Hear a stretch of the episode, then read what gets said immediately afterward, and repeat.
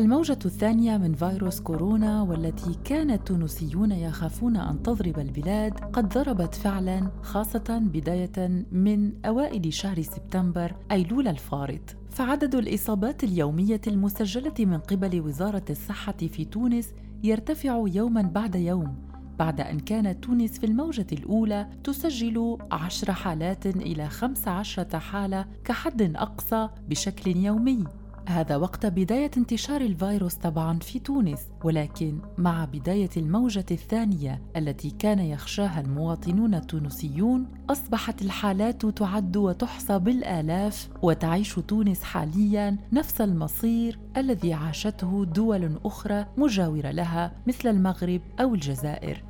إن عدنا قليلا بالزمن إلى الوراء سنتذكر جميعا خاصة التونسيون يتذكرون ذلك اليوم المشهود الذي خرجت فيه نصاف بن علي وهي الناطقة الحالية باسم وزارة الصحة لتبشر التونسيين بتسجيل وزارة الصحة لصفر حالة من العدوى خلال الموجة الأولى من فيروس كورونا وانتشاره في بلدان العالم العربي وخاصة في بلدان المغرب الكبير. ولكن ها هي تخرج ثانية للعموم يوم الثاني من أكتوبر الجاري لا للتهنئة هذه المرة ولكن للتحذير ولدق ناقوس الخطر فقد أكدت بأن نسبة التحاليل الإيجابية لتقصي فيروس كورونا تعتبر مرتفعة جدا وأكثر خطورة من الموجة الأولى لفيروس كورونا التي ضربت البلاد. وفي تصريحاتها المختلفة عبر الإذاعات التونسية أوضحت السيدة نصاف بن علي أن شخصا من بين أربعة أشخاص يخضعون للتحاليل المخبرية تكون نتيجة فحصه إيجابية لسوء الحظ. وتحدثت بن علي عن ضرورة منع التجمعات معتبرة بأن هذه الوضعية الوبائية في تونس حاليا لا تسمح بالتراخي أو بالتسامح في تطبيق البروتوكول الصحي المتعارف عليه في تونس حاليا لمجابهة كوفيد 19 إذا فالوضعية أخطر من ذي قبل والموجة الثانية أشد شراسة من الموجة الأولى. لتفشي فيروس كورونا وذلك لأن الفيروس يتفشى بسرعة كبيرة خاصة مع حالة الاعتياد التي يعيشها المواطنون التونسيون في هذه الفترة. فتوخي الحذر لم يعد جديا كما كان خلال الموجة الأولى من فيروس كورونا وحتى الخوف من الفيروس لم يعد كما كان هو الآخر. ولكن هذا لم يمنع أغلب التونسيين من المطالبة بحجر شامل لمدة أسبوعين على الأقل وذلك لتطويق الوباء والحد من انتشاره السريع. وفعلا فقد تجاوبت الدولة التونسية مع فكرة الحجر ولكنه ليس شاملا. فالصولة المعنية بدأت بفرض حظر للجولان الليلي للحد من الفيروس ولكن التونسيين ارتأوا عدم جدوى من هذه الخطوة وكانت حجتهم بأن الحركة لا تكثر ليلا ولكنها تكثر نهارا. وحظر الجولان المفروض هذا لن يمنع الفيروس من الانتشار ولكنه سيكون بكل بساطة دون فائدة ترجى. وأغلبية المواقف السياسية هي الأخرى تصب في نفس هذا الاتجاه فأكثر السياسيين غير موافقين على فكرة فرض حظر للجولان الليلي فقط ولكنهم يدعون إلى فترة صغيرة تطبق فيها الدولة التونسية حجرا شاملا لا تقل مدته عن الأسبوعين كحد أقصى. سامية عبو وهي إحدى النواب الذين يخلقون جدلا في كل مرة يأخذون فيها الكلمة حتى تعبر عن مشاغل الشعب وما يؤرقه خاصة في فترة الموجة الثانية من انتشار فيروس كورونا تدخلت منذ بضع أيام وكان هذا موقفها من الحجر الشامل وحظر الجولان الليلي لتطويق فيروس كورونا في تونس. الدولة متاعنا الموقرة ماهيش في مستوى الحدث أو مستوى الوباء مستوى الكارثة اللي فيها تونس اليوم. أشوف من سامحني ما نغلطوش بعضنا. إحنا عندنا البنية الصحية نتاعنا مهترية. مش تاع نهار ولا تاع الحكومة هذه ولا اللي قبلها ولا اللي قبلها هذه نتاع عشرات السنين من الدولة الوطنية اللي الدولة الوطنية نفوسها كلها كمنهوبة في الخارج. كسرونا روسا بالدولة الوطنية جات وقت الأزمة لقينا رواحنا ما عندنا حتى شيء. اعترفوا قولوا معناش اعترفوا قولوا نحن اليوم قادرين مقابلين باش ناس تموت. فماش شوف المساج اللي نحب نعطيه ما تنجموا تعملوا حتى شيء إلا حجر صحي شامل. فدكوش. ارواح الناس اللي قاعدة تموت. عبيد كلهم قاعدة تموت. ثم شبح متاع الموت في تونس كاملة. شو تحبوا نوصلوا؟ أنا قاعدة نشوف فيها قدامي باش نوصلوا في وضع كارثي السبيطارات معبية الناس قاعدة تموت والطبة قاعدة تختار شكون يموت وشكون يعيش. déjà بداو فيها. شوف إحنا قاعدين هذه المرة ذي يتحول ومعناتها تاريخه في التحول عجيبة وغريبة. اللي ما عندها حتى أعراض فجأة سكتة دماغيه ويموت.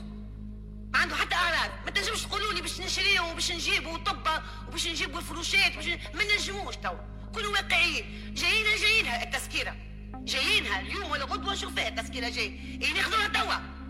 الناس باش تغشش خاطر حاجة صحي شامل يتفلقوا. خلي يتغشوا. ساعات الحكومات تاخذ قرارات الشعب بيدو مش فرحان بها هو الوقفة نتاعكم فين؟ الوقفة نتاعكم في عود تجريونا اليوم وتتشدقوا علينا وهو باش نعملوا باش نجيبوا. اخفوا وقت الغسره هذه وقت التسكيره هذه علقوا الإجراءات نتاع كل شيء. علقوا نتاع الشيكات علقوا نتاع الليزينغ خذوا إجراءات رافقوا صاحبوا الشعب صحبوه صحبوه حسوا به حسوا به ووصلوا الإعانات والمساعدات لباب الدار. هاي وقفة الدولة فين؟ خلي سيعلموا المرض وخلنا نحسروه. وخلنا نقوموه وبعد أبدأ أبدأ عام مفتح تدريجي بشوية بشوية. الناس اللي عندها تنسيون واللي عندها سكر واللي, عندها ضعف المناعة كل يقعدوا يرتاحوا. هذه مرض مش لعبه هذه مرض كثير أقوى منا. هو هو الدول المتقدمه وما نجمتوش مش نجموه نحن.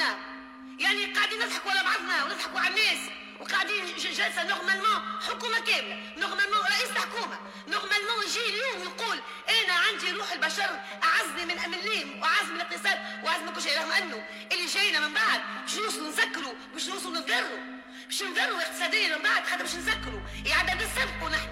خلينا أرواح الناس. إذا فأولوية التونسيين في هذه اللحظة بالذات مع اشتداد وطأة الوباء في تونس وانتشار فيروس كورونا في موجته الثانية الأشرس على الإطلاق هي الذود عن أرواح المواطنين وحمايتهم من الموت، لكن القرارات السياسية التي تم اتخاذها في هذا الشأن لا تنظر فقط إلى هذا الجانب ولكنها تسلط الضوء كذلك على ما يمكن أن يحصل اقتصاديا للبلاد خاصة بعد انكماش الاقتصاد التونسي بعد فرض الحجر الشامل على البلاد خلال الموجة الأولى من فيروس كورونا. وفيما يخص هذه النقطة فإن موقف رئاسة الجمهورية على لسان قيس سعيد كان كالآتي. لا نستمع إلا إلى الخبراء الصادقين الثابتين وهم صادقون ثابتون واعون ويعلمون ما يفعلون.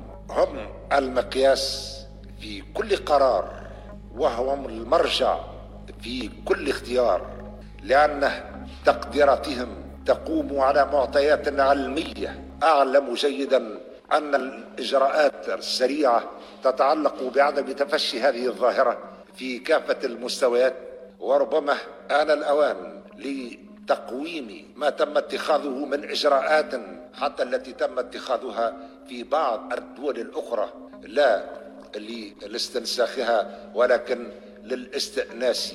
بها. هذا الجزء من كلمة قيس سعيد رئيس الجمهورية التونسية. إن عبر على شيء فإنه يعبر حسب التونسيين على أن ما تم اتخاذه من إجراءات مثل إجراء فرض حظر الجولان الليلي يمكن أن يمتد ليصبح حجرا شاملا لمدة بضع أيام حتى يتم تطويق الفيروس كما قلنا. مع العلم بأن كل التونسيين تقريبا يلتفون على نفس الكلمة ونفس الموقف وهو أهمية فرض هذا الحجر الشامل حتى وإن كان فيه بعض الضرر للاقتصاد التونسي مع العلم بأن هذا الضرر الذي سيحصل لن يكون مشابها لما حصل خلال الحجر الشامل الأول خلال الموجة الأولى من فيروس كورونا بما أن فترته لن تكون طويلة.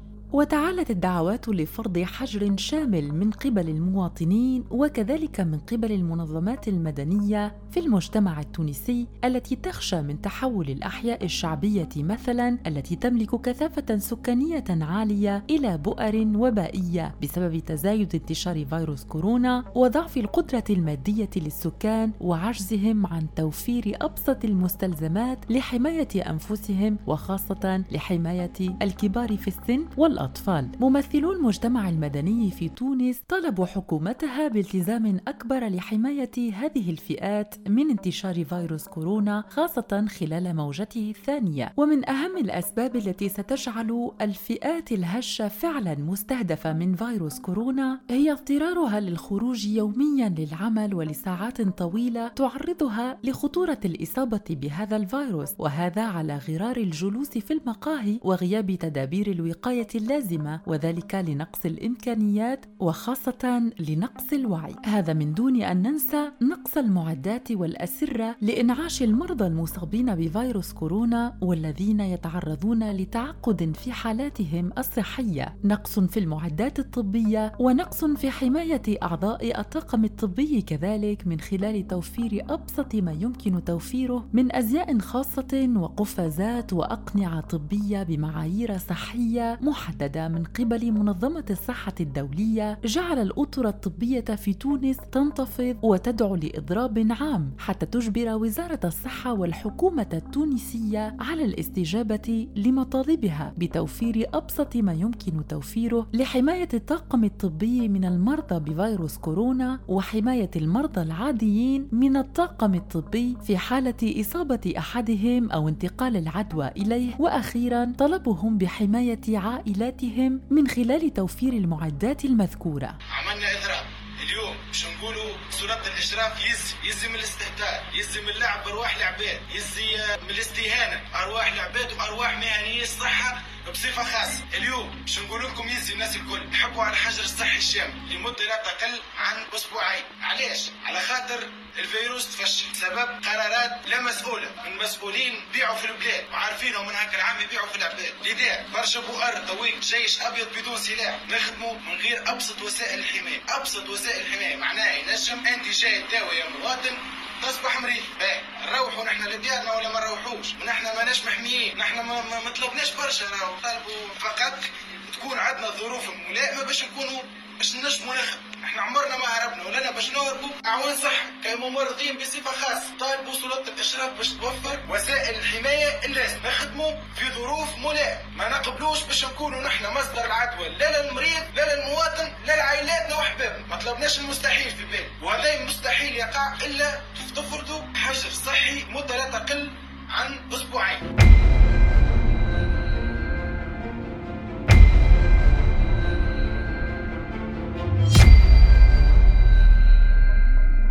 رئيس لجنة الحجر الصحي بوزارة الصحة التونسية محمد الرابحي أكد بأن الدولة والحكومة لم تغفلا عن اتخاذ تدابير مهمة جدا خاصة للمصابين بفيروس كورونا. وأبرز في إحدى تصريحاته التي أدلى بها البارحة أن حاملي الفيروس في تونس ممن لا يحملون أعراضا تتم معالجتهم وفق طريقتين. أولها البحث عن الإمكانيات المادية الملائمة ومستوى مقرات إقامتهم عليهم للقيام بالعزل الذاتي إن أمكن ذلك وإن ثبت أن ظروفهم المادية تسمح باحترام مقومات وشروط العزل داخل منازلهم وذلك بشرط إمضائهم على التزام يؤكد عدم خروجهم من منازلهم طيلة فترة الحجر أي لأسبوعين على أقل تقدير. أما في حالة ثبوت قلة إمكانيات المصابين ممن لا يحملون أعراضا فإنه يتم تمتيعهم بظروف العزل الذاتي وذلك داخل أربع مراكز بطاقة استيعاب تناهز الألف شخص